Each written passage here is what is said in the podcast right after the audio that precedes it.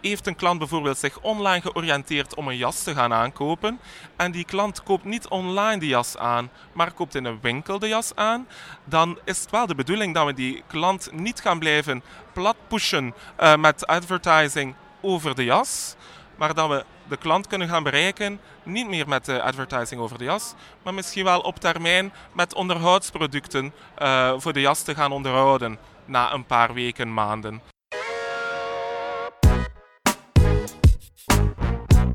Ik was de gast bij het Adobe Marketing Symposium in Amsterdam en sprak daar met Thomas en Luc van AS Adventure. Het bedrijf dat we in Nederland vooral kennen van de Beverwinkels, maar ondertussen gewoon Europees marktleider is voor de categorie outdoor. Waarom Bever een omnichannel strategie toepast en daarbij de klant centraal staat. En niet pushen, maar de klant centraal, luisteren naar de klant. Ja, dat zeggen ze allemaal. Maar hoe vertaalt zich dat nou bij Bever en AS Adventure naar de werkelijkheid?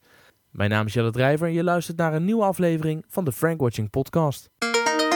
Het is nog steeds hartstikke gezellig hier op de Adobe Symposium. Het Adobe Symposium moet ik zeggen in uh, Amsterdam. We zitten in het AI Amsterdam en ik zit naast Thomas en Luc. Thomas, uh, je werkt bij AS Adventure. Mm -hmm. Wat de meeste mensen in Nederland zullen kennen als het moederbedrijf boven Bever Sport onder andere. Maar jullie doen veel meer dan dat ja, hè? absoluut. We hebben een aantal concepten in België, Nederland, de UK ook. Uh, met voor Nederland het meest bekende merk is Bever. Maar in België hebben wij merken als AS Adventure, U2 en Yaya. Dat zijn ook outdoor en fashion concepten. En in de UK hebben we ook een aantal outdoor concepten. Wat ons eigenlijk als groep maakt dat we de Europese marktleider zijn in outdoor. Oké. Okay. En, en Luc, jouw rol in het geheel is? Ik ben van IDA Media Foundry, Adobe Business Solution Partner in België. En wij bouwen samen met uh, AS Adventure in een technisch team de oplossingen bij uh, AS Adventure voor nieuwe websites en nieuwe e-commerce platformen. Oké, en, en als ik het goed heb begrepen, Thomas, je houdt je vooral bezig bij het, uh, uh, het, het, bereiken van de mensen op meerdere platformen, eigenlijk alle platformen. Klopt dat? Ja, absoluut. Voor ons is het heel belangrijk om een omnichannel strategie te gaan voeren, eigenlijk uh, als groep. En als groep hebben wij de beslissing genomen om ons heel hard te focussen op die klant. De klant heel centraal stellen. dat is, het is eigenlijk de basis van een omnichannel strategie. En dat eigenlijk aan de klant is om te beslissen via welk kanaal dan ze met ons gaan interageren. Dus of dat dan nu de website is, of dat dan nu social media is, of dat dan nu de bricks and mortar stores is, maakt voor ons eigenlijk niet uit, zolang dat die klant maar geserviced wordt en die klant maar het gevoel heeft dat hij zelf niet gepusht wordt om via een of ander kanaal te gaan interageren eigenlijk met ons.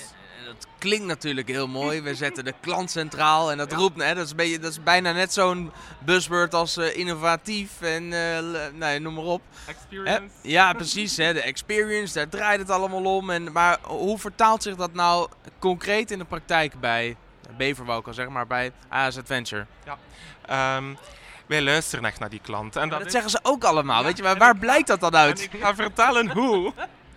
Enerzijds um, trachten wij echt uh, via Customer Satisfaction Indexes te gaan bepalen hoe tevreden dat die klant was. Dat is op een reactieve manier, want dat wil zeggen dat je wacht tot een aankoop van de klant en dan je daarachter zal bepalen via een, uh, een enquêteringstool eigenlijk hoe tevreden dat die klant was. Zeer tevreden, gewoon tevreden of ontevreden. Zodat je, dat je eigenlijk een net promoter score kan, uh, kan gaan bepalen. Dat doen we dus op winkelniveau, maar ook dus op online niveau.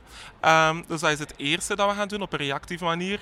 Anderzijds hebben we dus ook ja, zoals elk bedrijf doet, jaarlijkse enquêteringen via grote studiebureaus, hoe tevreden dat die klant was, hoe dat die uh, klant nog extra wil bereikt worden enzovoort. Maar voor mij is het ook heel belangrijk om de klant echt uh, te gaan peilen. Niet zozeer rechtstreeks met die klant in, in als e-commerce manager kan ik niet met elke klant in contact staan. Maar voor mij is het wel heel belangrijk om die uh, vinger aan de pols te houden en om op dagelijkse basis samen met de customer care teams en op uh, maandelijkse basis eigenlijk ook met de sales teams die in de winkel staan een, een meeting houden van wat kunnen we nog verbeteren ook op online vlak. Hoe kunnen we de klant nog sterker gaan servicen zodat we nou continu eigenlijk gaan, gaan uh, verbeteren. Want als je één maand stilstaat voor die klant, dan heb je volledig verloren. Dat is een mooi streven, denk ik. Maar het is ook, kan me ook voorstellen dat dat een uitdaging is. Nou, Dat is absoluut een we zijn hier bij het Adobe Symposium. Eh jij bent een van de sprekers ook. Dus nou, ik durf de aanname te doen dat jullie Adobe gebruiken al, eh, als tooling systeem. Maar o- o- voor mensen die daar niet mee werken, ik werk er bijvoorbeeld ook niet mee in de praktijk. Wat doet dat systeem nou? Hoe, hoe kun je de dingen die je net omschrijft, die je wil meten, hoe kun je dat nou doen met behulp van Adobe? Luc of, of Thomas, wie kan daar... Ik kan daar wel even op antwoorden, ja. Dus het eerste bij eh AZ Venture was en is de fundamenten goed krijgen en vooral de business en marketing meer flexibiliteit geven. Dat is absoluut bereikt, al dat doel, denk ik. Dus dat eh, hun eigen mensen nu intern wijzigingen in de site kunnen aanbrengen. Zaken naar voren halen die echt belangrijk zijn op dat moment. Campagnes beter voeren met veel grotere vrijheid, waar ze vroeger altijd naar IT-developers toe moesten stappen. Dus dat is het eerste doel. Het tweede wat nu gaat volgen is de metingen, de analytics ook eh, goed krijgen, waar- waardoor nadien eh, profiling en targeting kan volgen. Dat is eigenlijk de stappen die we samen met AS Adventure uitgezet hebben voor de toekomst. Profiling en targeting, hoe belangrijk is dat voor een partij als, als, als jullie in dat omnichannel verhaal? Zeer belangrijk. Hè? Ehm, de competitie tussen retailers of tussen de pure players wordt, wordt harder en harder gestreden voor die klant. Dus je wil die klant bereiken op een zo relevant mogelijke en persoonlijk mogelijke manier, zonder echt in de persoonlijke levenssfeer van die klant te gaan komen. Ehm, dat kunnen we gaan doen bijvoorbeeld met Adobe Target. Dat kunnen we gaan doen door bijvoorbeeld ook alle offline data en onze online data eigenlijk te gaan bundelen, bijvoorbeeld in Adobe Analytics, zodanig dat wij de klant weten wat ze gekocht hebben. Niet alleen online, maar volledig omnichannel. En zodanig dat we ook onze online marketing tools daarop kunnen gaan afstemmen, zodanig heeft een klant bijvoorbeeld zich online georiënteerd om een jas te gaan aankopen. En die klant koopt niet online die jas aan, maar koopt in een winkel de jas aan, dan is het wel de bedoeling dat we die klant niet gaan blijven plat pushen eh, met advertising over de jas, maar dat we de klant kunnen gaan bereiken, niet meer met de advertising over de jas, maar misschien wel op termijn met onderhoudsproducten eh, voor de jas te gaan onderhouden na een paar weken, maanden.